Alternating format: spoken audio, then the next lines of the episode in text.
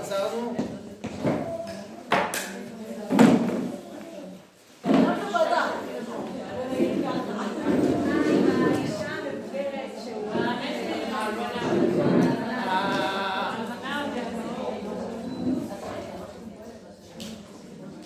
אז לא, זה היה דווקא בפסוקים, לא בדף, לא? בסדר. אז היינו ב... היינו ב... באישה האלמנה, נכון?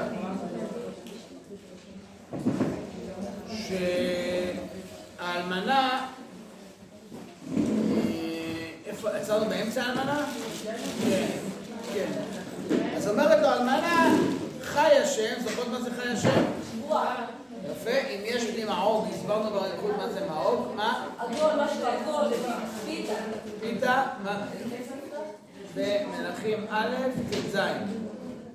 עכשיו אנחנו בפסוק אה, י"ב, משהו כזה.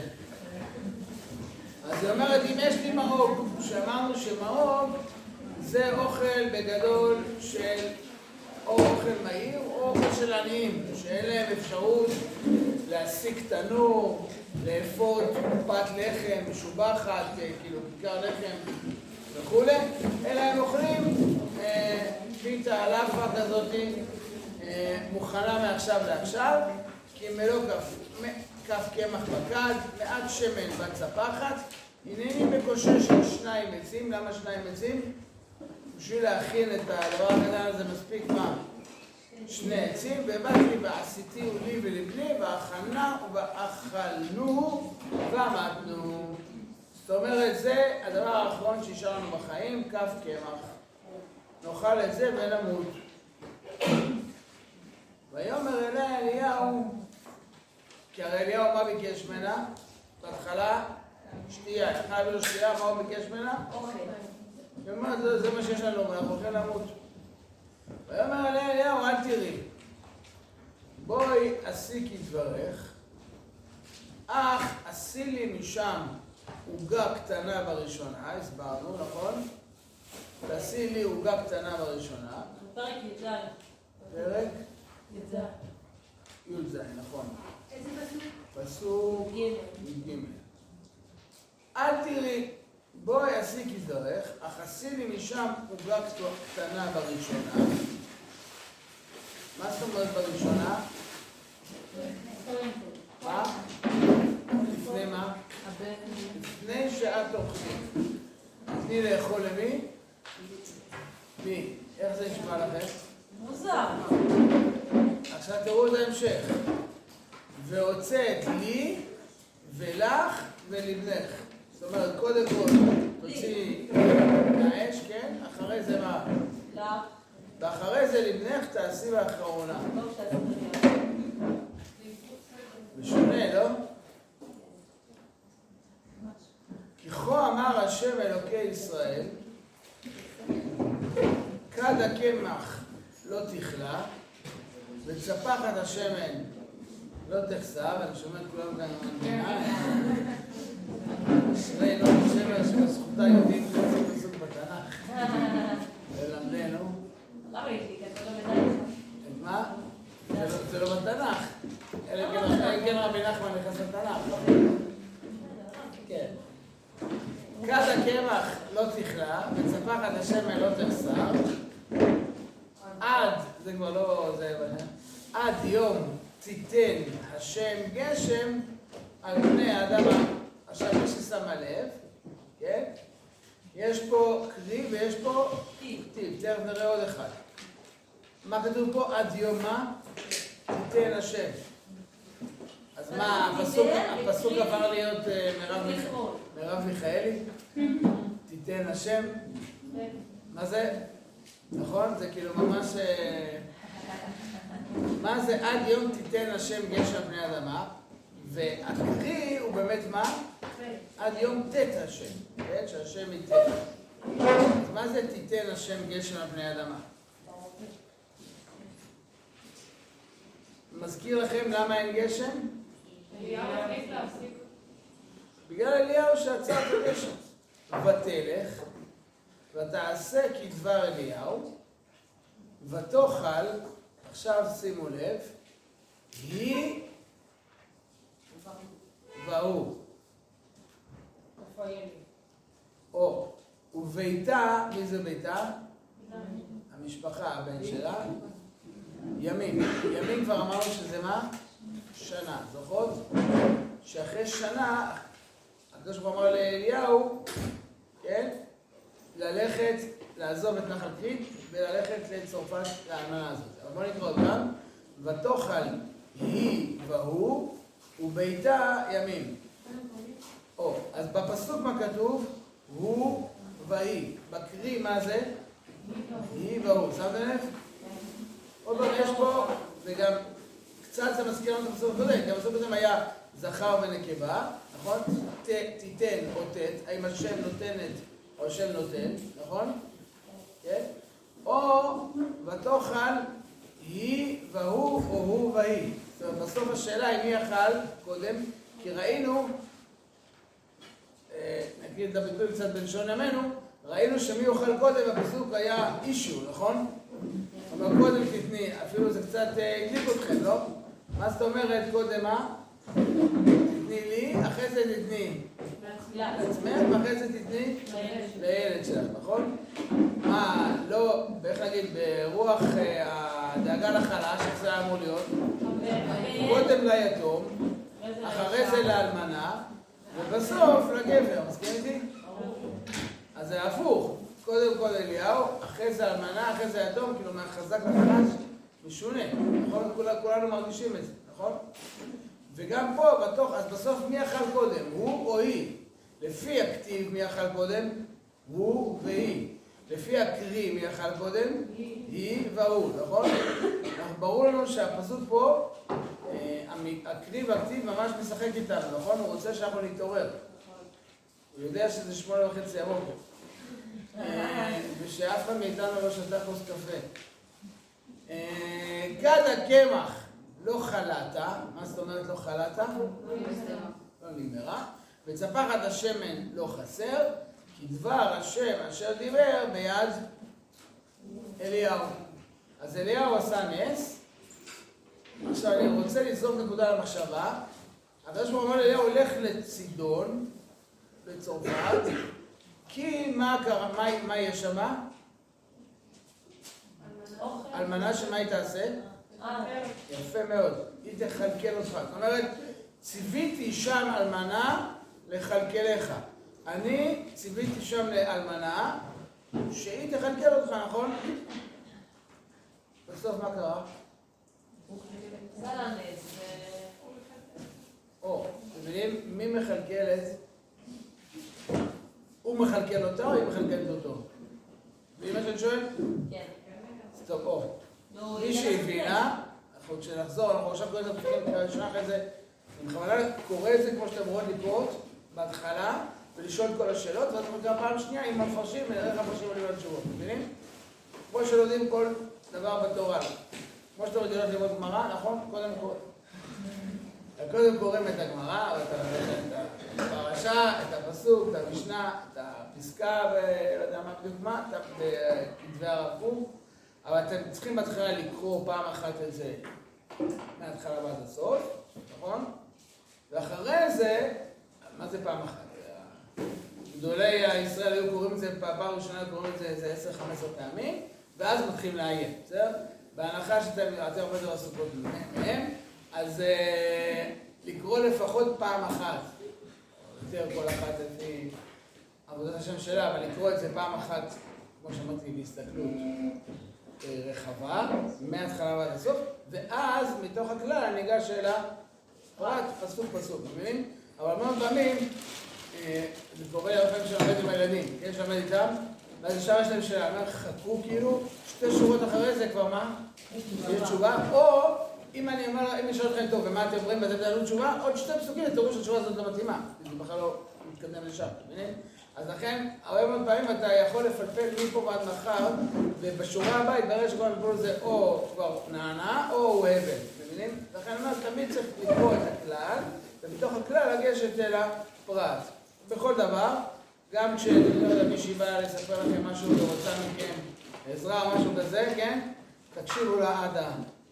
סוף, ואז מתוך זה לאט לאט תנסו אולי לעזור. אבל תקראי את אלה שיש לכם לספר להם, ישר עונים לך כאילו, אין קשר. תקשיב, אחרי שהגמרא אומרת, הס, ואחר כך כתת. הסכת ושמע ישראל. הס, ואחר כך כתת. מה זה לכתת? לחפור. לחפור, נכון? אז, אז אתה אה, קודם כל תשתוק, אחרי זה תתחיל לחפור. אבל קודם כל תשתוק, תקשיב, בסדר? אז אנחנו קודם כל קוראים את הפרק הראשונה, שואלים שאלות, שמים לב, ממלכתי, דברים ראשונים, אנחנו שואלים את כל הדברים שעולים לנו, ואז אנחנו נחזור לכאן המפרשים, אז המפרשים, אנחנו נראה פתאום איך המפרשים באמת עונים לנו תשובות על שאלות שהיו, ומובילים אותנו בדרך נורא נורא אה, אה, פתוחה, יסודית, וכולי וכולי. אז אני, אה, אנחנו נסיים אה, את את הפרק, אבל מאוד ברור פה, עוד לפני שאנחנו הבנו מה זה אומר, וזה ודאי מטריד את כולנו, אבל שאליהו נוהג פה מנהג מוזר. אני אוכל קודם, את אוכלי אחר כך, מה, מה, כאילו מה זה, ריב בין אה, ילדים בזה, נכון מי אוכל קודם? ודאי שלא. אבל גם אחרי זה אנחנו יכולים להכיר בכתיב שהוא, היא, היא, הוא, מי, מה. ברור שיש פה איזשהו, כמו שאמרתי, נושא, אישו כמו שקרא לזה, ובסופו של דבר, אם אנחנו חושבים רגע, עוד לפני המפרשים, על מה שראינו, בפסוקים זה בולט ישר, שהשם אמר, ציוויתי שם למנה לכלכלך, אבל בשורה התחתונה, זו באמת שאלה טובה, מי מכלכלת? מי? ויהי אחר הדברים האלה. מה זאת אומרת בעברית אחר הדברים האלה? אחר כך, או בלשוננו, ואז. לכם אמרו שעשו, בחיבור שאסור לכתוב ואז, ואז, ואז, ואז, נכון? אמרו לכם את זה? כן? אתם מכירים את ה"ואז אני ואז אני". אבל בסדר, היום יש פתרון יותר טוב, יש כאילו, אבל... אה, לא, גם אני. אבל אה, בגדול, ה- ההבנה הזאת, ההבנה שאין צורך למילה ואז, היא מאוד נכונה. כי אם אתה אומר משהו, ואחרי זה אומר עוד משהו, ברור שמה? הדבר השני בא אחרי הדבר הראשון. תגיד, ולפני כן, בסדר, אבל כאילו, מה זה ואז זה, ואז זה, ואז, ברור שואז, נכון? אותו דבר אני שואל את השאלה גם עכשיו. ויהי אחר הדברים האלה, חלה בין האישה, כן? אם זה היה לפני, תגיד, ולפני כן חלה אישה, אבל אם זה היה אחרי זה, לא צריך לציין כל פעם, ויהי אחר הדברים חלה אישה, ויהי אחר הדברים האלה, ותאמר אל אליהו, ויהי אחרי זה, ויאמר אל אליהו, ויהי אחר, אתה יכול לעשות כל פסוק ויהי אחרי זה. אתם מבינים מה שאני אומר? תודה. גדולה מאוד מאוד, ברוך אתה, אדוני, אלוהינו, מלך העולם, שהכל נהיה בדברו. תודה רבה, לא, עוד לא נפתחו לי הקשרים. אה, ממש תודה. אה, אז עכשיו, אנחנו תמיד שומעים אחר הדברים האלה, ושזה הרבה במקרא, אנחנו רוצים לשאול את עצמנו מה המקרא רצה לומר בה ואז, כן, ויהי אחר הדברים האלה, מבינים? מסכימים איתי זו שאלה? חלה בין האישה בעלת הבית. שאלות? ברור שזה בעלת הבית, נכון? ולמה צריך פה בכלל, למה הוא צריך ללכת ברחוב עם שתי תעודות זהות? הוא גם בן האישה וגם מה? בן בעלת הבית, נכון? תגיד בן האישה, אני יודע מי זה, נכון? כמו שאמרתי. תגיד בן בעלת הבית, אני יודע מי זה גם כן. אז א', למה, למה הוא צריך, כמו שאמרתי, ללכת... אז יש פה איזו הדגשה, ברור לנו, נכון? נקודה שנייה, איך קראנו לה מקודם? השם שלה השתנה. אלמנה. לפני כן הייתה. וואי. פתאום היא הפכה להיות מה? בעלת הבית, האישה, האישה זה לשון חשיבות, נכון? מה? יש כמו שבתורה, האיש זה לשון חשיבות, נכון? האיש, האישה, מה? מה כאילו? לא ברור. לכאורה לא. אה, לא מופיע. ממש זו שאלה טובה, אבל לא מופיע. אה, זו שאלה, אבל בכל אופן חלה בין האישה, בעלת הבית, אה, בכל מקרה אנחנו רואים שהיא, תרצו, נקרא לזה בלשוננו, שודרגה. זאת אומרת, אלמנה, תמיד במקרא, זה מבטא מה? מה שנקרא בלשוננו, אוכלוסיות מוחלשות. מסכימים? לא, תמיד אני אומר, לתת צדקה למי? לגר, ליתום ו... למה? כי תבינו, בעולם של פעם, בדרך כלל לאישה לא הייתה יכולת להשתכר, נכון? כי העבודה, הפרנסה הגיעה ממה? ב- מדברים פיזיים, ואז באמת זה לא אפשר, נכון? אה, להתפרנס בצורה מכובדת וכולי, כי באמת זה היה לעבוד בשדה, לראות את הצום וכולי וכולי, אז באמת, אה, ברגע שמי שהייתה אלמנה, אז באמת היא הייתה אה, תמיד צריכה איזשהו סוג של הגנה וכולי ממסגרת משפחתית. אה, דרך אגב, זה מה שלמשל הכתובה באה לעשות, לעגן את המצב הכלכלי של מישהי ברגע שבעלה נפטר, כדי שיהיה לה ביטחון כלכלי. מבינים? שתהיה אה, אה, חייבים לפרנס אותה, את הילדים שלה וכולי, כדי שתהיה מוגנת לגמרי, כי יהיה לה יכולת להתפרנס. אני אומר, היום, לאישה יש גם יכולת להתפרנס בלי זה, אז כבר אין עוד, כשאתם רואים אלמנה, זה לא אותה קונוטציה כמו שבתקופת המקרא, שאלמנה זה כאילו מישהו שבאמת כביכול חסר ישע. אבל אני אומר שוב, אבל תשימו לב, גר יתום ואלמנה, תמיד זה הולך ביחד, למה? כי מה זה גר? אדם שבעצם אין לו משפחה, וגם אם הוא בא לארץ ישראל, להיות חלק מעם ישראל, אין לו מה? אין לו נחלה, אין לו להתפרנס, אין לו אדמה. בעולם שפעם אין אדמה, אין אוכל, מבינים? אז הוא אומר, הגר, היתום ואלמנה, זה תמיד אנשים שככל שהעולם הולך יותר יותר, ואיך להגיד, אה, להשתכלל, כן? אז היום לא צריך אדמה בשביל להתפרנס, נהפוך הוא, החקלאים זה החוליה המוחלשת בחלק. כולנו יודעים שהם הכי מסכנים לצערנו. אה, אה, וההפך, היום אפשר להתפרנס בלי זה, אז השתנה. אבל אני אומר שוב, תבינו, ברגע שהיא מפסיקה להיות האלמנה, הופכת להיות האישה, או בכלל, בעלת הבית, זה נשמע מה? אז מסכים איתי שהפסוק בא להגיד מה? בדיוק, זה מה שיש לה בית משלה, שנכון, היא... ויהי אחד הדברים האלה, חלה בין האישה בעלת הבית, ויהי חוליו חזק מאוד, עד אשר לא נותרה בו נשמה. בסדר? אז יש פה תיאור של מה? עכשיו שוב אתן צריכות לשאול, מה? ויהי אחר הדברים האלה, אני יודע מה, חלה בין האישה ויפטר, נכון? או, מה, למה צריך לתאר כאילו חלה בין האישה, נכון? ויהי חוליו חזק מאוד, שלב שני, עד אשר לא נאמר שמע, שלב שלישי. מילה אחת אתה פותר את זה, חלה וימות, נכון? יש פה ממש תיאור של הדרגה, נכון? חלה, בהתחלה, נכון? אחרי זה מה? ויהי חוליו חזק מאוד, נכון? זה מוכר בשביל זה אצל דברים מאוד מוכר, אני הולך למות, אני הולך למות.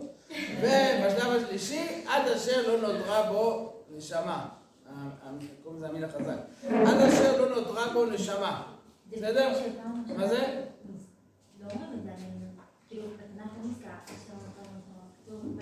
בדיוק, תמיד בימות, נכון? אז יש פה ממש תיאור שאומר דורשני, אנחנו נצטרך גם לעיין בו. נכון? אני רוצה שוב להראות מה זה בשיעור הזה הכי חשוב לנו לא ללמוד תנ"ך, אלא ללמוד איך לומדים תנ"ך. בסדר, אני קורא, אבל פשוט שם לב לכל הרמזים שהדיבור האלוקי הניח לי בפסוקים, שאותם אני אחרי זה צריך לדרוש, קיבלתי למדרשה, ואני צריך לדרוש את השם, נכון? זוכרות פרשת שבוע? כן? ותלך לדרוש את השם, זאת אומרת, אני רוצה לחפש. אז אני, יש לי פה נקודות, ואני אחרי זה אחפש ויעמיד בהם אה, בדרכי המדרש. זאת אומרת, נלך עם חז"ל, ונלך איתה ונחפור, נעמיק בדברים, ונקווה שנמצא תורה מתוקה. ויאמר, סליחה, ותאמר אל אליהו. עכשיו שימו לב לתגובה שלה, די מדהים. מה לי ולך איש האלוהים? באת אליי להזכיר את עווני ולהמית את בני? א', במילה אחת מה היא אומרת לו? אתה אשם. וואו. מה לי ולך איש האלוקים? באת אליי להזכיר את עווני ולהמית את בני?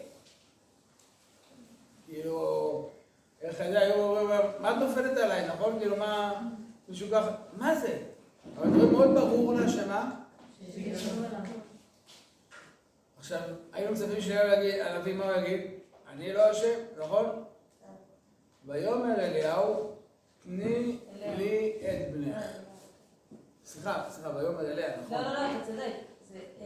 לא, לא, את צודקת. ויאמר אליה, גם אני התבלבלתי בזה בגלל המצב של העיניים שלי, ויאמר אליה, תני לי את בנך.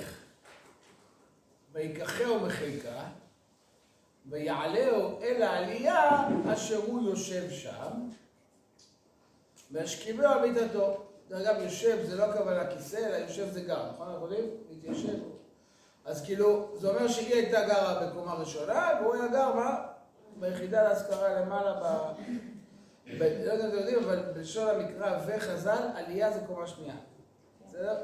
כי בתקופה ההיא גרו בדרך כלל בבתים רק חד קומתיים, מבינים? לא, לא, לא בונים בדרך כלל אה, אה, קומה שנייה, כי בשביל זה צריך, מה? גם, אבל פשוט יס- יסודות מאוד חזקים, כן? אם מישהו, אתה קונה עוד, עוד קומה, זה כמו שעל הגג מישהו גר, נכון? זה צריך להיות בית נורא נורא חזק. היום, ברור שעושים את זה כי כאילו מצוקת קרקע, אבל אז בדרך כלל אנשים גרו באדמה, מי שרצה להכניס אורח או משהו כזה, אז הוא בנה עלייה, כמו שאתם זוכרים אותו סיפור רקע, סיפורכי מדות, עם האישה השולמית, עם אלישע התלמיד של אליהו, חוזר אותו סיפור, נכון? שהיא אומרת, נעשה לנו עליית קיר קטנה, ונשים שם מיטה, כיסא ומנורה, ונארח שם את איש האלוהים. זוכרות את זה? כן, אותו דבר, יש לנו בית. בואו נעשה יחידה קטנה למעלה, כן, עליית קיר קטנה, וכל פעם שהוא יבוא ניתן לו לישון שם. אז אנחנו מבינים שזה מה שקרה פה, אותו דבר. וזה ודאי כל ההקשרים האלה מאוד ברורים, כן? אני אומר, מה זה- זה ודאי שאלה לגבי האלמנה. בנט תגיד האישה השולמית היא נשואה, נכון? אבל פה זה אלמנה. אני מסכים שזו שאלה. אה, זאת אומרת, אנחנו צריכים לחשוב על זה. עוד נקודה, ויאמר אליה תני לי את ויקחהו מחיקה, ויעלהו אל העלייה אשר הוא יושב שם, וישכיבהו על מיטתו. ויקרא על השם ויאמר, השם אלוקיי, הגם על האלמנה אשר אני מתגורר עמה, הרעותה להמית את בנה? יפה. א', איזה מילה פה ממש מצלצלת? הגם. מי עוד מת בדיוק? נכון? ב', מה אתם אומרות? זאת אומרת, לא יודעת מה מת, אלא לא מספיק כל הצרות שעשית, הקדוש ברוך הוא, גם את זה. נכון? נכון. עכשיו. גם של חרבונה, וגם וגם וגם וגם וגם וגם. נכון? אבל הגם בא להגיד לי, אה, נכון? עוד, נכון? מה מה גם? גם מה? נכון? אף תספה צדיק ורשע זה ברור, נכון? צדיק ורשע, נכון? אז מה זה הגם הזה? נכון? שאלה ראשונה. שאלה שנייה, או נקודה שנייה, לא יודע איך תגידו. או, אז א', באמת אליהו מבין שיש קשר בין זה שמה? שהוא שר ולמיטה של הילד. אבל היא האשימה את אליהו, אליהו מה עושה? זה מה שכתוב פה, נכון? כזאת. ממש. רואים פה, נכון? איזושהי התרסה, או נגיד, צעקה שכמו אברהם אבינו, אף תספה צדיק עם רשע, הקדוש ברוך הוא זה יכול להיות, איך, איפה, איפה הצדק האלוקי, איך, איפה דרכי השם, מה? אז זה באמת לא אשמת אליהו, כאילו... בסדר, אנחנו נצטרך לעיין בזה. אנחנו צריכים... אה, מאוד ברור שהפסוק, נכון? יש קשר. מה, בוא נגיד ככה, האלמנה ישר מבינה שזה שבת של המת, זה קשור לאליהו, נכון? והיא מאשימה אותו, אליהו גם תמיד זה קשור אליו, ואת מי הוא מאשים במרכאות? אנחנו ודאי צריכים להבין את השאלה הזאת, מה קורה פה? נכון? למה היא מאשימה אותו? למה אליהו חושב שאליהו הוא מאשים את הקדוש ברוך הוא? אבל פה אברהם אבינו, יש פה כאילו הקדוש ברוך הוא.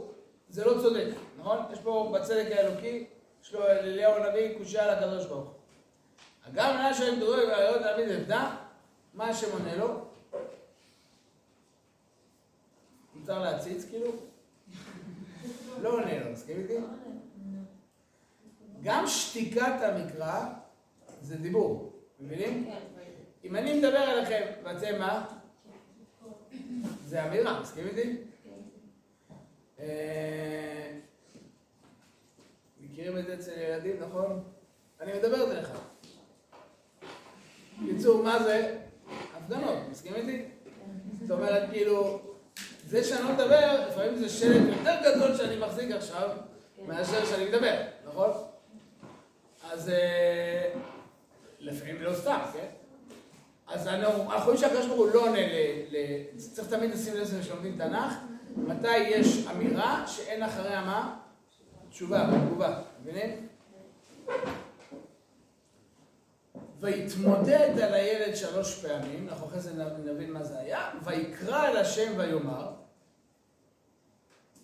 עוד פעם יש פה ויקרא על השם ויאמר, נכון?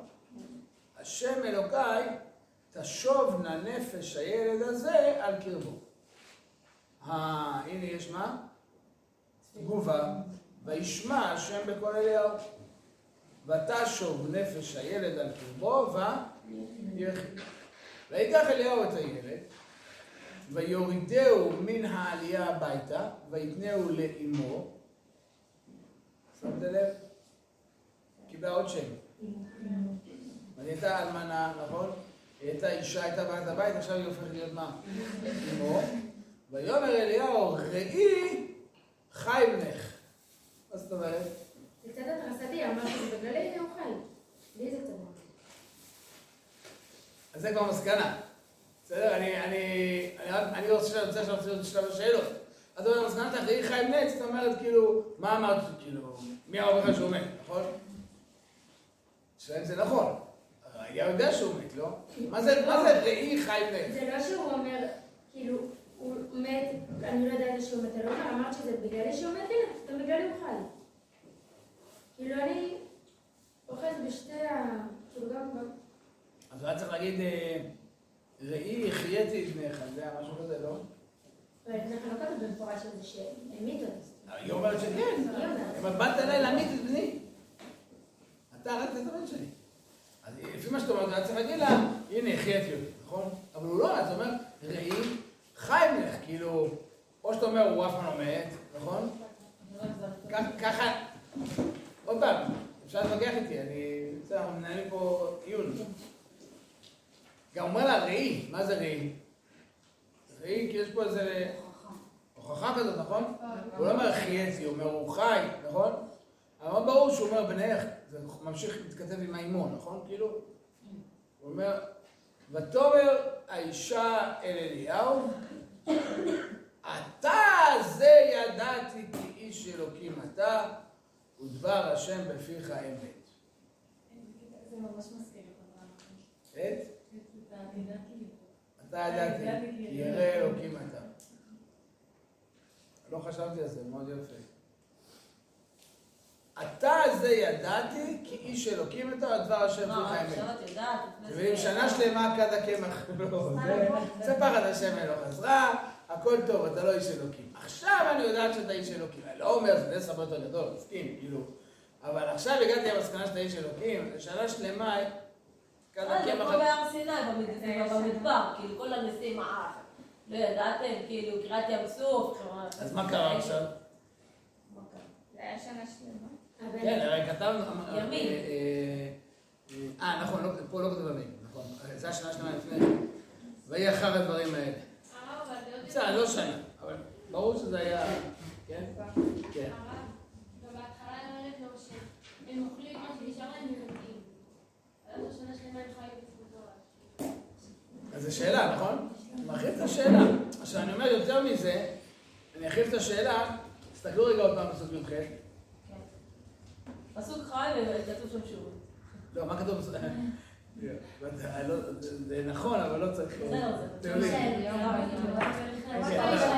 לצורך הזיכרון, אבל... היא כבר אומרת. מה? היא כבר אומרת יפה, היא כבר קראה לו איש אלוקים. היא אמרה לו, מה לי ולך? איש האלוקים. זאת אומרת, עכשיו מה, אתה יודע איש אלוקים? כשהיא פונה אליו, קוראת לו איש האלוקים. ואנחנו גם הבנו למה, הרי הוא עשה לה נס כאילו עם אה, תו תקן, הוא עשה לה נס שעובד, כאילו, נכון? הקמח, צבא כד השמן, הציל אותה ממוות ודאי, נכון? אז כאילו, היא לא סתם שאומרת לו איש האלוקים, באת אליי, זה מאוד ברור. אתה ידעתי כי איש אלוקים אתה, דבר השם פיך האמת. כשקודם אמרתי לך שכד השם קמח לא תכלה וזה קרה, לא ידעת שדבר השם בפי אמת, הנה התקיים, אז מה עכשיו ידעתי כי דבר השם? עכשיו אנחנו לא נקרא את פרק י"ח, רק נקרא את הפסוק הראשון. ויהי ימים רבים, ודבר השם היה לאליהו בשנה השלישית לאמור, עברו כבר שלוש שנים של בצורת, לך הראה אל אחיו, מה זה הראה אל אחיו? לך תתגלה אליו, הראה אל אחיו, ואתנה מטר על פני האדמה. עכשיו השאלה שצריכה להטריד אותנו, או אם יש מישהו שרוצה להגיד, אבל מישהי, זה לא בדיוק שאלה, זה יותר... אה, כאילו מה, מה, כאילו כל הקשר, מה כל האירועים האלה? תראו מה קרה, בהתחלה שאמר לו, בהתחלה אמר, זוכרים שליאון נפל על אחאב ואמר לו מה? אין גשם! וגם אנחנו, להבדיל, וגם אחאב הזדעזענו, לא ידענו מאיפה הגיע אליהו הנביא, נכון? פתאום נפל עלינו ואמר מה? זוכרים את זה? איך אמר ציון? פתאום הוא מופיע. מאיפה באת? כאילו, אה, הפסוק קודם לא הכרנו אותך פתאום. ושנייה אחרי זה הוא נעלם לאן? לוואדי. מה היה בוואדי? עורבים לחם ובשר. אחרי שנה לנו הוא נעלם קצה ארץ ישראל, לגבול, נכון? אמרנו? עם צ- כמו צידון, כן? ושם מה? אישה אלמנה. ואז פתאום מה? הבן שלה מת. ואז השם אומר לו, לך תראה לך. כאילו, קיצוניים. כן, מה? כאילו, מה? הלו"ז? כל מקרה עומד בפני עצמו, אבל באמת מה הלו"ז פה, כאילו מה, נכון? איפה, מה הקשר מהדברים? מה התורה רוצה להגיד? המון סיפורים יפים, כל אחד מהם תופס דף כל סוג חמנו, הכל בסדר, אבל כאילו, איך זה, איך זה קשור? לאחאב מההתחלה, לאליהו אחרי זה, לעורבים, מה הקשר עורבים פה, מה, כל דבר פה, כל פרט פה הוא ודאי בפני עצמו, פתאום הילד מת, פתאום הוא מחיה אותו, עכשיו הוא. למה הוא אומר לה תני לי לאכול? כל דבר פה הרי חייב להיות משמעות. מסכים איתי? אנחנו לומדים תורה, לא אה, הנערף, אגדות האחים גלים, לא יודע מה, זה סיפורים. נכון? לפעמים אנשים מתרגלים שה- שהתנ"ך, כן, התנ"ך זה אוסף סיפורים, נכון? זה ההסתכלות, אה, נקרא לזה הלא מאמינה בקודשי התנ"ך, כן? אבל זה ודאי שכל נבואה, אז מה הנבואה רוצה להגיד לנו? בסדר? הרב, כן. אבל קודם היא אמרה לו איש אלוקים, עכשיו היא אומרת אלוקים. היא לא אומרת ירא אלוקים, אבל את כן צודקת שהיא מוסיפה. מה, מה, נכון, היא כן אומרת איש האלוקים, היא לא אומרת ירא אלוקים, נכון? מה היא מוסיפה אבל כן? לא. מה? לא שומע? לא, אנחנו פה, זה אה, שמעתי. אז היא לא רואה אלוקים? כתוב, עכשיו-. למדת למה אני אומר לה מתנ"ך. איש אלוקים אתה, ומקודם היא כתבה... אבל את צודקת שהיא הוסיפה עוד מילה. מקודם היא אמרה איש אלוקים, עכשיו היא אמרה ודבר השם בפיך אמת. זאת אומרת שהיה דבר השם לפני כן, אבל עכשיו היא אומרת שדבר השם אמת.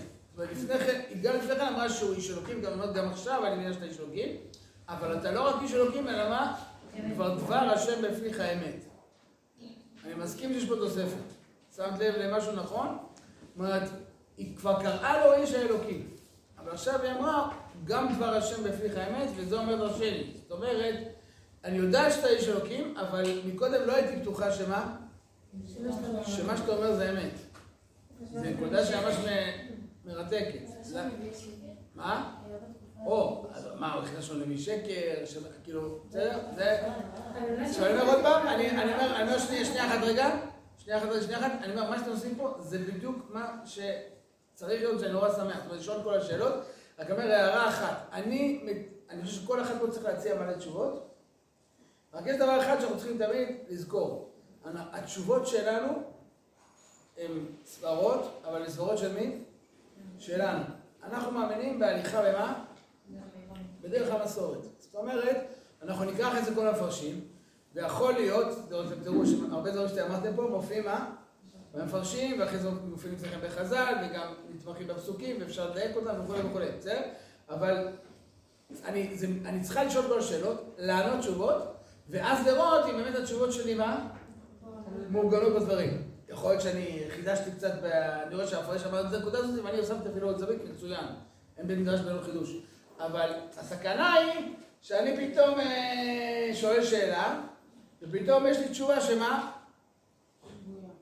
או לא קשורה בכלל לאף פירוש לפני כן, לא, אה, רבי עקיבא לא חשב על זה, המהר"ל לא חשב על זה, כל דברים לא חשבו על זה, פתאום הסברה שלי זה, ואז בדרך כלל זה, הנטייה היא להשליך את מה?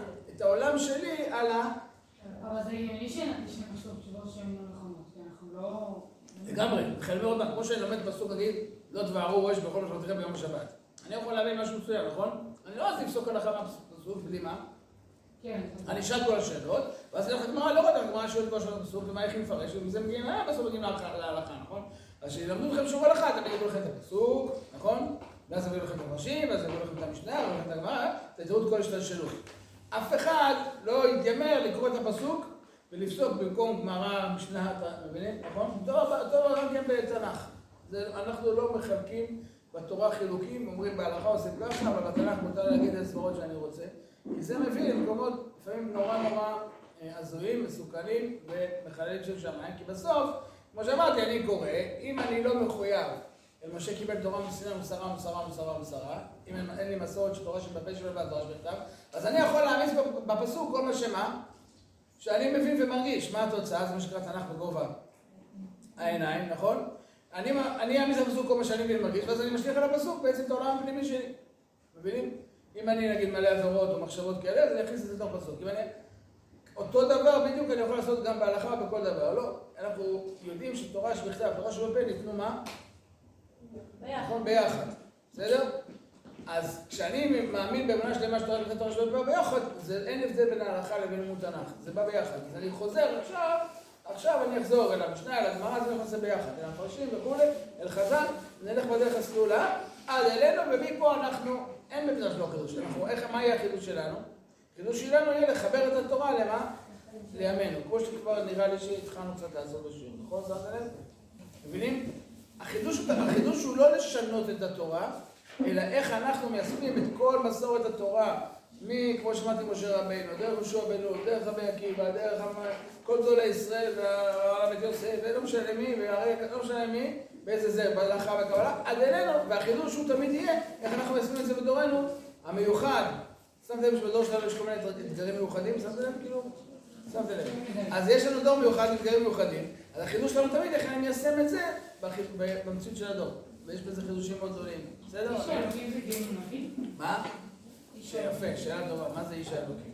אז בברור, אם תבדקו, אנחנו נראה בדיוק, משה נקרא איש האלוקים. תחשבו על זה, לקרוא לאדם איש האלוקים זה די מביא, נכון? מבינים מה שאומר? מה?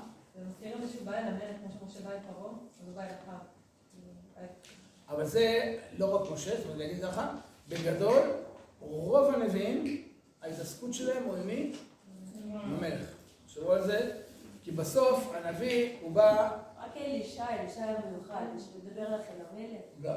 נכון, זה היה כאילו... כן, אלישע כן מדבר עם המלך. לא, כאילו, בזה אתה יכול להסיק שהיה לו מצב טוב עם המלך. כאילו, לא היה מלחמה. כן ולא, היה שייך להרוג אותו.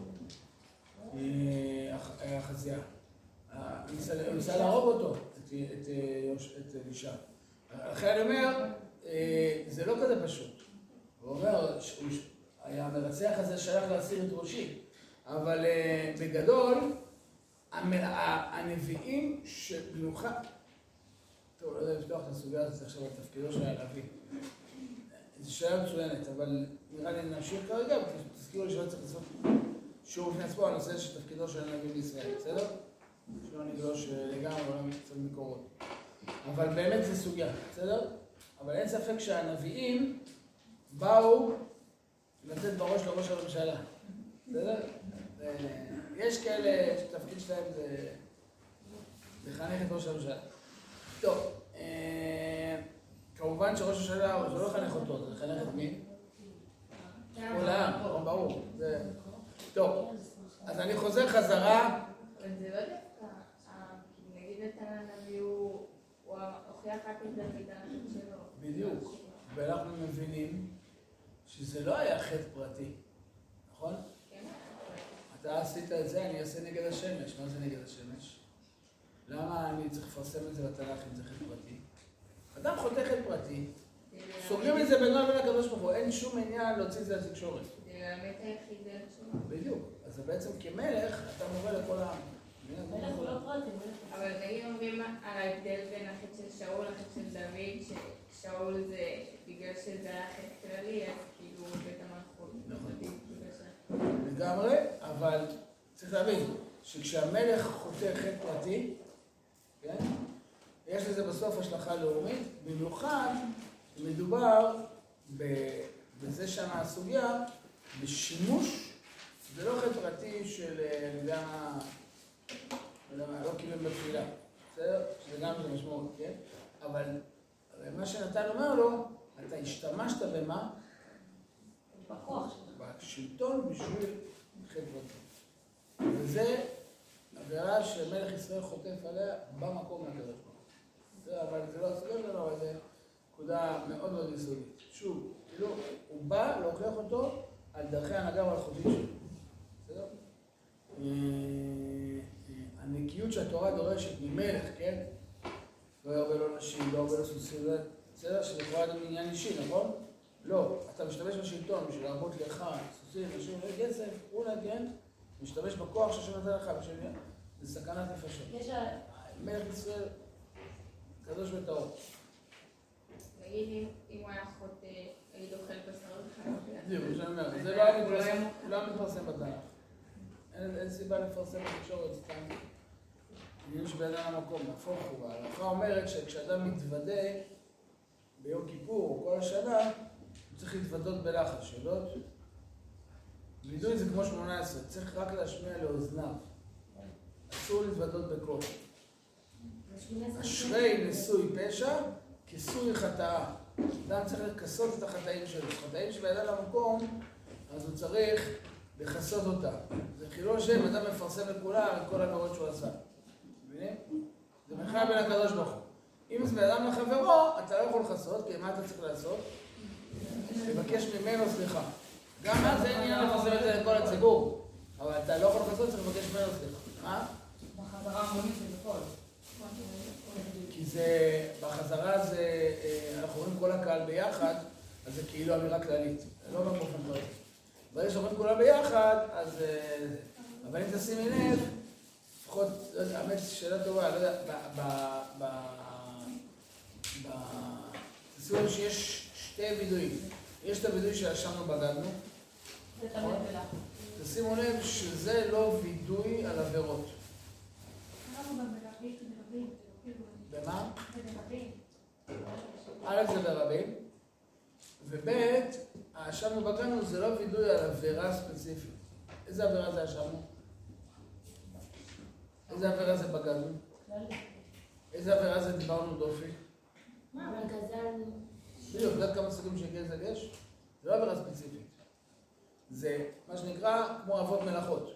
אתם מבינים? הווידוי שעכשיו בגדנו, כן?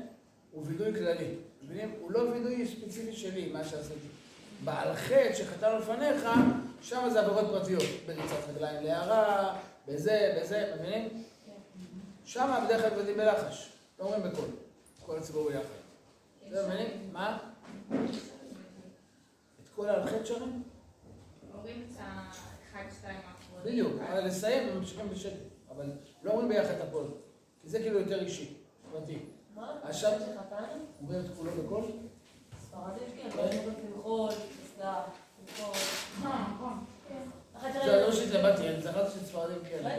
אומרים זה. אבל שוב, בגלל שאומרים את זה ביחד, אז כאילו לא פרטי. כן, כן. אבל כשאדם נגיד מתוודה בתפילה של לחש, ושם הוא צריך לפרט את העבירות שלו עם הקדוש ברוך הוא ממש, לא נוסח.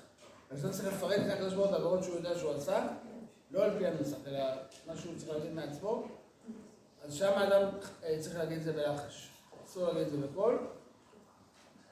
מופיע בהלכה, ממש כתוב בהלכה שצריך, אסור לפרסם את הדברים. אה, איך הגעתי לזה? על מלך, דיברנו על מלך. מלך זה כמו... אה, אבל שוב, מלך יש לו עבירה פרטית, אז אין עניין לפרסם את זה. זה, אני שאלתי את הרב, את כן. שאלה, ואני צריכה, כאילו, היה לי איזה עניין עם, כאילו, עם הכבוד של ההורים, ואז הוא אמר לי שאם ההורים אוכלים על כבודם, אז כאילו אפשר, כאילו, אין עם זה בעיה, אבל אם נגיד מלך מוכל על כבודו, זה לא הכבוד שלו, זה כבוד של השם. אז זה לא משנה, כאילו, מה שהוא יגיד, נגיד, אל תקום בפניו. אבל לא, זה לא הכבוד שלך. מלך שמכר על כבודו, על כבודו מחול, אין לי כבודו. הדוגמה זה שאול. שהוא לא יכול לאכול על כבודו. אה, בכל אופן, אה, זה לא שלו. ששמואל אומר לו. אבל אה, בסדר, כולם הבינו מה שהתכוונתי להגיד?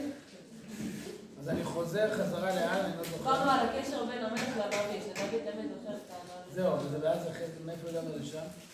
דיברנו על מלך. לא, זה היה מהשאלה של... על הנביא, אבל לפני כן איפה היינו? איפה? שהוא אומר לו, לך לאחיו, תתגלה אה, לאחיו, תפסיק זהו. ואז הוא הולך לאחר. אז אמרנו, כאילו, מה קרה שפתאום הקדוש ברוך הוא אומר, מבין את השאלה שאני שואל? כן. מה קרה שאחרי שלוש שנים הקדוש ברוך הוא לא הולך לאחיו? למה הוא לא אמר לו... אחרי כל המקרים האלה. למה הוא לא בדיוק? למה הוא לא אמר לו אחרי שנתיים וחצי? למה לא אמר לו אחרי שנתיים וחודש? למה לא אמר לו אחרי שנתיים ושבועיים?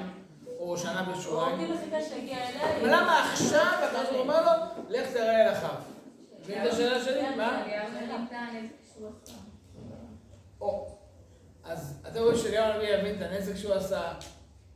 אה, שהיא אמרה, לא אני. כי הוא שואל את השם למה הוא גרם לזה, ואז הוא בעצם רוצה להגיד לו. יכול להיות שיש פה, כל המקרים האלה הם דו-שיח בין הקדוש ברוך הוא לאליהו הנביא. יכול להיות? אולי זה אפילו דו-שיח בין הקדוש ברוך הוא לעם ישראל? לכן זה לא נכתב, מבינים? כן. זה סתם סיפורים שקרו, לא ייכתב. נבואה בא לדורות. בסדר? אז עכשיו אנחנו נחזור חזרה, נסתכל במפרשים ונסתכל אה, בחז"ל. אז אני מתחיל מההתחלה. ויאמר אליהו התשבי מתושבי גלעד אל אחאב אה, סליחה, רגע, בימיו, לא, עצרנו לפני כן, אני זוכר, עצרנו פסוק ל"ד, בימיו בנה חיאל בית האלי את יריחו, זוכרות את זה? בפרק אה, ט"ז. ט"ז, פסוק אחרון, באבירם בכורו ייסדה, הזכיר צעירו, הציב דלתיה, כי דבר השם שדיבר ביד יהושע בן נון. זוכרות את זה? כן, שאמרנו שזה בדיוק מה שהולך להיות אם יבנו שוב את הקרן. שזה מה שהייתה השבועה, מי שיבנה את יריחו, נכון? כן. בואו נראה את המפרשים. אומר רש"י מקור שש, יש לכם?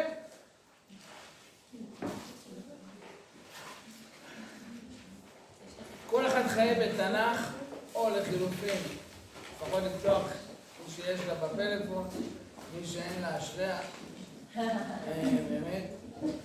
אה, ובדף מפרשים חייבים כולם להחזיק. אנחנו מתחילים עכשיו את הדרך המפרשים.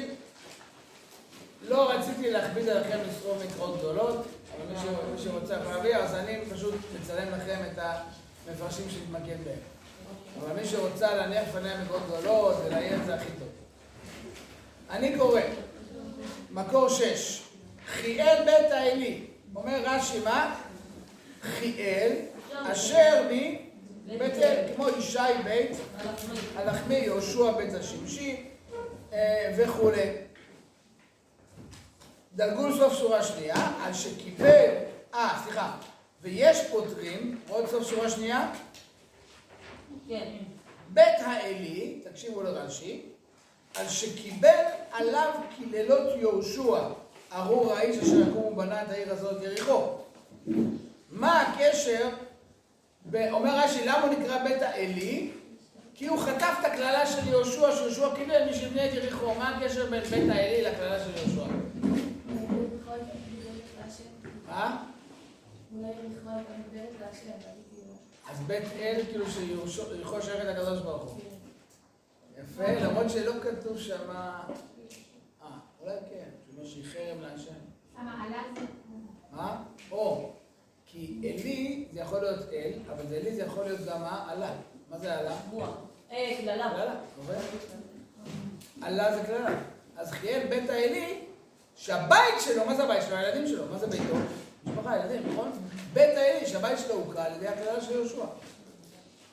עכשיו, איזה פירוש ברש"י יותר נכון? מה? אלו, נכון? יפה מאוד. אלו ואלו דברי אלוקים חיים, זה דרך שאנחנו נהלך בה בכל הלימוד שלנו, חייבים ללמוד ככה תנ"ך, כמו שאנחנו לומדים תורה. אלו ואלו דברי אלוקים חיים, מה הכוונה? לתורה היא דבר השם. כשבן אדם מדבר, הרבה מאוד פעמים הוא יכול להגיד, נגיד, משפט דו-משמעי, נכון? ואתה אומר משהו שיכול להישמע ככה, ובתחכום יש שם גם... אה, עקיצה. עקיצה. בסדר? אה, זה הרבה פעמים בשירים יש את זה, נכון? שירה, זה משפט כזה שכאילו משמעות אחת, אתה חוזר פעם שנייה, משמעות שנייה, נכון? לא יודע, אולי בן אדם גאון יכול לכתוב משפט ויהיה לזה שלוש משמעויות. בסדר? אה, יש אה, דברים משתנים כאלה, מכירות, נכון? אז לפעמים זה שתי משמעויות, שלוש משמעויות. אה. דבר השם, אומרים חז"ל, כפטיש שפוצץ שאלה, מתחלק ל-70 ניצוצות. או כמו שכולכם מכירות, 70 פנים. זה התורה. מה הכוונה? שבאמת לכל מילה בתורה יש רובד, ורובד של רובד, ורובד של רובד, ורובד של רובד של רובד. ולא רק זה, יש לזה גם תלת ממדי. מה זאת אומרת? זה לא רק כאילו עומק, אלא גם זוויות, כמו יהלום, נכון? יהלום גם יש לו עומק, נכון? שדרכו האור הזה, וגם יש לו כל מיני זוויות, מסתכל פה זה עושה טוב. כל זווית מופיעה עוד אור, עוד גוון של אותו יהלום. ככל שהיהלום זה יותר עמוק, יותר, עם הרבה יותר זוויות, זה יותר גדול, זה יותר יקר, נכון? כי יוצאים ממנו יותר ויותר גוונים. מבין מה מתכוון? זאת אומרת, כשאני לוקח את המילה של הפסוק ומתחיל ללטש אותה, לעבור עליה מסביב מכל הכיוונים, ולהיכנס לעומק שלה, אני אגלה עוד מאוד רבדים. מבטיח לכם שתלמדו תורה, אותו תורה, אותה תורה, אותו פסוק, תלמדו אותו כל החיים, אז כל פעם תחזרו אליו בתקופה אחרת של החיים שלכם, תגלו בעומק אחר. מבטיח לכל מי שלומד תורה באמונה שזה יקרה לו כל החיים. הוא יקרא פסוק אחד בגיל 15, יחזור אליו בגיל 20 פתאום יקרא את אותו פסוק, וזה פסוק אחר, כאילו, הוא מגלה פתאום עומק אחר, ואותה פרשה יחזור בגיל 22, בגיל 42 פתאום זה יתחבר אליו למשהו שהוא נמצא בו בחיים, וזה ייתן לו פירוש אחר לגמרי, ויגלה עומק אחר לגמרי. כי זה תורת השם, היא באה מהאינסוף ברוך הוא. לא יכול להיות שיש לה מה? פירוש אחד. אלא אם האינסוף ברוך הוא נתן את התורה, יש בה באמת אינסוף פירושים. ואינסוף עומקים, כי אינסופית, היא באה מהאינסוף. חוכמת השם היא לא חוכמה אנושית, שאני יכול לחשוב משהו אחד ולהגיד אותו מקסימום שתי דברים ולהצליח לשים אותם ביחד. כן? חוכמת השם היא באה מהאינסוף ברוך הוא, והיא עצמה נהר אינסופי שלא מפסיק להופיע ולהשפיע. לכן הפירושים שכל פעם מלטשים את אותו יהלום עוד פעם ועוד פעם ועוד פעם, במהלך החיים שלנו, כל פעם, את אותו, אני מניח שכל אחד מכם לא יודע מה, למדה פעם אחת, אני יודע מה, איזה סיפור בתורה, לא יודע מה, אברהם והאורחים, ואחרי זה יוסף ואחים, ואז למדה אותו בזה, ואז למדה אותו עוד פעם, שמעה איזה שיעור, פתאום זה שם עומק שהיא לא הגיעה, ופתאום בגיל 40 שיהיה לה איזה משהו בחיים, ופתאום נקרא את זה עוד פעם, ותגיע לאיזה פירוש הזה, פתאום תבין את זה אחרת לגמרי, עוד יותר עמוק, את אותם פירושים, פתאום תבין באור אחר ותגלה עוד דברים ועוד דברים, וזה בדיוק התובנה של מה זה תורה. זה לא חוכמה אנושית שיש לה פירוש אחד, רובד אחד. התורה היא מפגש עם דבר השם, היא אינסופית. לכן, כשרש"י מביא שתי פירושים, בעצם רוצה להגיד, אני רוצה לחשוף אותך לשני רבדים. ואם הוא מביא שלושה פירושים, אני רוצה לחשוף אותך לשלושה זוויות של אותה נקודה. אז מה התשובה הנכונה? האם חיאל היה מבית אל, או שהוא חטף קללה? מה התשובה הנכונה? שתיהם. הוא היה, גם בפשט הוא היה מבית אל, זה ודאי הפשט, כן? יהיה בית האלי, כמו שאומר רש"י, בית הלחמי. הוא היה ודאי מבית אל, אבל אנחנו בו זמנית גם שומעים עומק נוסף כבר, שמה? שהבית שלו חטף את כל העלה של יהושע, מבינים? אין פה או-או או מי צודק, מבינים? וככה אני ארצה ללמוד איתכם את כל המפרשים. זאת אומרת, כשאתם תראו שהמלבים מסביר ככה, והרד"ק מסביר ככה, והרס"ג מסביר ככה, ורש"י מסביר ככה, אלו ואלו ואלו ואלו ואלו מה? חיים. חיים זה משהו שמה? שלא מפסיק לשפוע. דברי אלוקים חיים, ויכול להיות שהם גם סותרים עוד אחד את השני. יפה. אבל כל אחד מהם חושף זווית. חושף נקודה. יכול להיות שבסופו של דבר, ולא יודע אם בתנ"ך אתה צריך לפסוק הלכה, כן? יכול להיות שבסופו של דבר, אני, כמורה, או כבן אדם, ילך בסוף מכיוון אחד, או שתי כיוונים. זה מה שאנחנו נעשה פה, אנחנו צריכים לבחר כיוון שהוא, אנחנו מרגישים עכשיו זה שמדבר אלינו, כי אותו אנחנו צריכים עכשיו בעבודת השם שלנו, כן? אבל, אבל זה אומר שבפירוש השני, אני צריכה גם לשמוע אותו בשביל להבין נקודה, יכול להיות שאומר, אוקיי, לא הולך, לא, לא, לא, לא הולך עם הכיוון הזה, אבל למדתי פה משהו שחוזר פה עוד זווית. בסדר, מבינה מה מתכוון? כן. אם הצלחתי עם כל הרעשים. לא, לא, לא. בסדר, זה מובן? כמו מידע החישן, אמר, מידע הוא החישן, הסופר. יפה. זה המשמעות, אני לא רוצה להגיד את זה עכשיו, אבל זה המשמעות של חיים. זה ההבדל לפעמים בין, סתם, ניתן דוגמה לא מסתחת, אבל זה משל נחמד שאני אוהב אותו. ש... ש... שאימא שלי פעם אמרה לי, שרק כשנולד הילד השני, מגל- מגלים שיש אמת מתמטית יותר גדולה ממה שהכרת עד עכשיו. מה? שיש חצי גדול וחצי קטן. מי הבין את המשפט החכם הזה? גדול. יש דבר כזה חצי גדול? אין דבר כזה חצי גדול, נכון? כשאתה לומד מתמטיקה, עד שנות חיי שלי, מתמטיקה זה או חצי וחצי, או לא יודע מה, שני שליש ושליש, אין חצי גדול וחצי קטן, נכון? בחיים יש חצי גדול וחצי קטן. מתי? כשנולד הילד שלי. אז מתחילים לריב על החצי הגדול. זאת אומרת, החיים מזמנים לך, במתמטיקה יש תשובה אחת. חומר יש תשובה אחת, כן? אבל כשאתה מגיע, החיים עצמם, יש בה הרבה מאוד זוויות. ואז יכול להתחיל לדבר, אה, כאילו, לא משנה, תסתכל על החצי כוס המלאה או החצי כוס הריקה וכולי וכולי. כי בחיים באמת, אותו מובן, אם תלך עם המתמטיקה, אתה תישאר רובוט מחשבי, נכון? ואם אתה תחיה את המשמעות של הדברים, אז באמת יש פה חצי גדול וחצי קטן. והרבה פעמים כשילד אומר, האמא נתנה לו את החצי הגדול, הוא לא מתכוון לשניצל, הוא מתכוון לתשומת לב, או לאהבה, נכון? למה היא נתנה לו את החצי הגדול? הוא מדבר על השניצל, הוא בעצם מתכוון משהו יותר עמוק, מסכים איתי? באותו מילה שהוא אומר, יש רובד יותר, למה היא העדיפה אותו, נכון? זאת אומרת, אם היא הייתה באמת אוהבת אותי, הייתה צריכה לעשות את זה חצי-חצי, נכון? מבין מה מתכוון? כל דבר שאומר, בחיים יש לזה רבדים לאינסוף. וזה מה שהתורה באה עם חיים אלוקים. לכן הרבדים פה מצויים, וממילא גם כן, הם מפריעים לא את נקודת, זה עובר דרך השכל, אתה רואה, אנחנו שלומדים ומבינים. אבל צריכים לדעת שזה לא מצטמצם רק לשכל אחד לתשובה אחת כמו בחומר. אלא ההפך, השכל פה חושף אין סוף רבדים, וממילא ממלא את החיים שלנו באלוקות. בסדר? זה, זה, זה התכלית של, של, של לימוד תורה. אז אני חוזר חזרה אה, אה, אלינו. אז חיאל בית האלי, ראינו את רש"י פה. אה, אה, רד"ק, חיאל בית האלי. אנחנו שאלנו, אם אתם זוכרים את הפסוק, מה הקשר?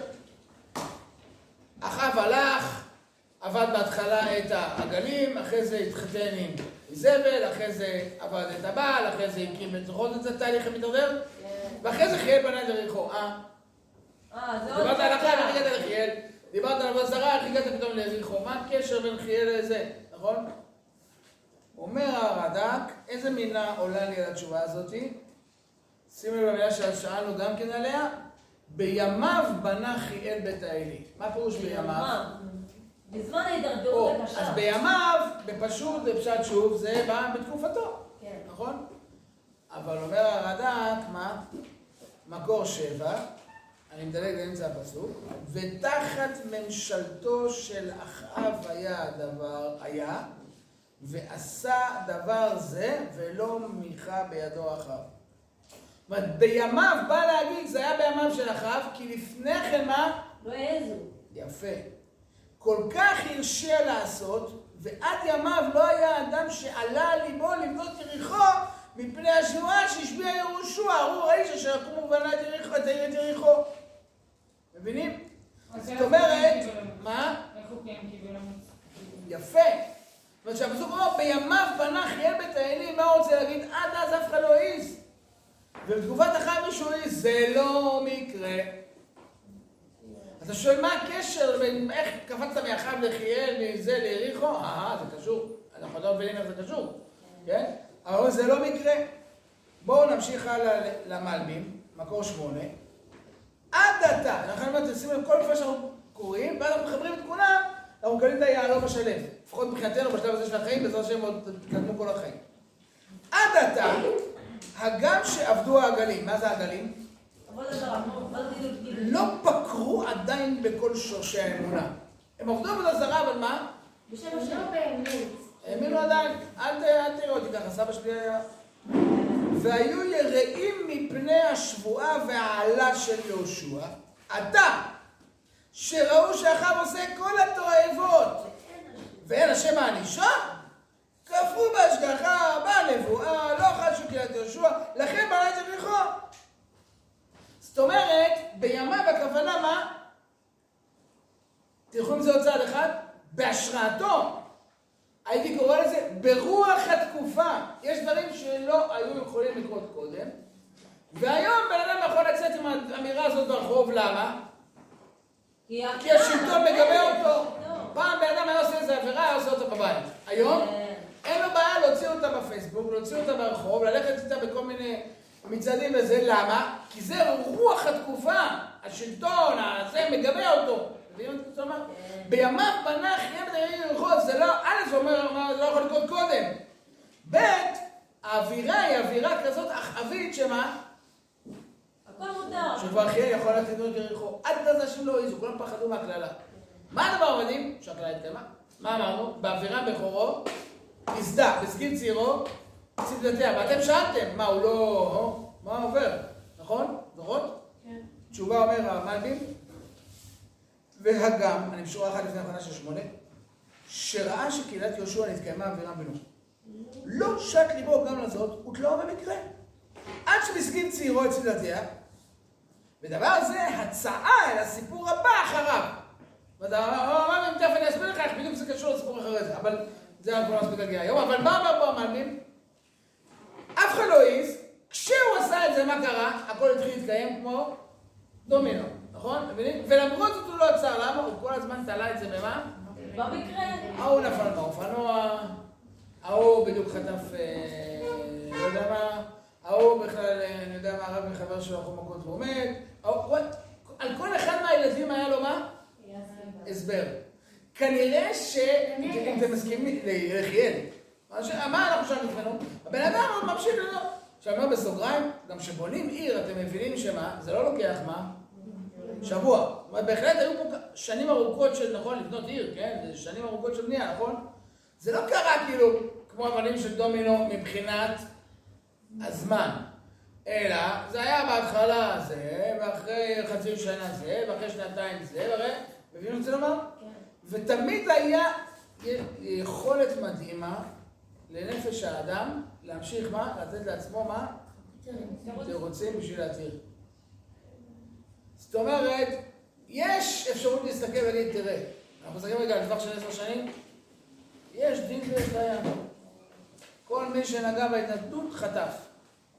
אפשר להגיד זה מקרה. ההוא ראש המפקד המחוז היה זה, המתקל היה זה, זה היה זה, אתה יכול להסביר כל אחד מכם, באמת כל אחד כתב מכיוון אחר. אדם מאמין בא ואומר מה? הכל קשור. אני רואה איך הדברים האלה. אדם לא מאמין, תמיד יש לו מה? טוב, נו, הוא היה זקן, טוב, נו, הוא היה חולה, זה בכלל, מה הקשר, זה בכלל סיפור אחר, ישן, זה... נכון. הקדוש ברוך הוא, אתם מבינים שאם זה היה קורה כאילו ככה, לא הייתה בחירה חופשית, נכון? מה עושה הקדוש ברוך הוא? מצד אחד מקיים את הכלל, מצד שני מה? משאיר מספיק רווחים בין האותיות כדי שיהיה לך מקום להידחף ולהזיז אותם ולהגיד שהכל בסדר. תחשבו גם בחיים שלנו כמה פעמים זה קורה. שאם אני מסתכל ואומר, וואי, השם אמר לי פה משהו, ואני עדיין יכול להמשיך מה? לתרץ לעצמי תירוצים. כדי שנוכל להמשיך. הרווח הזה מאפשר לי את הבחירה החופשית. זה לא סתם, זאת אומרת, זה, זה נותן משמעות לקיום שלי כבן אדם, כי אז אני עדיין צריך לבחור, ולא מה? אם באמת היה, כמו שאמרתי, סוג של מי דומינו, לא.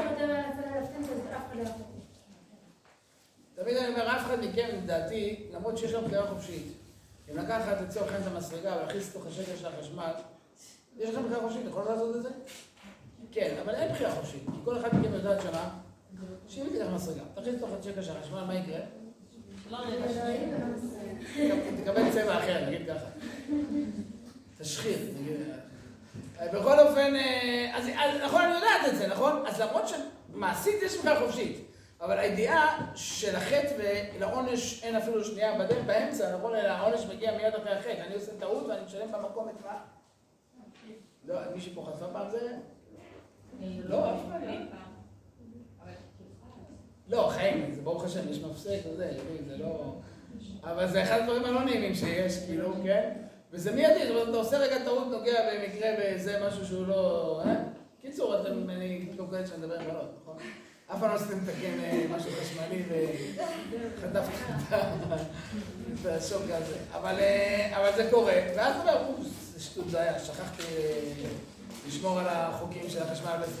אבל, אבל קודם תחשבו על דבר אחר, ברגע שאתה, הקשר בין המעשה לבין העונש הוא מיידי, גם אם יש לי בחירה חופשית, בעצם מה אין לי בחירה חופשית. מסכים איתי?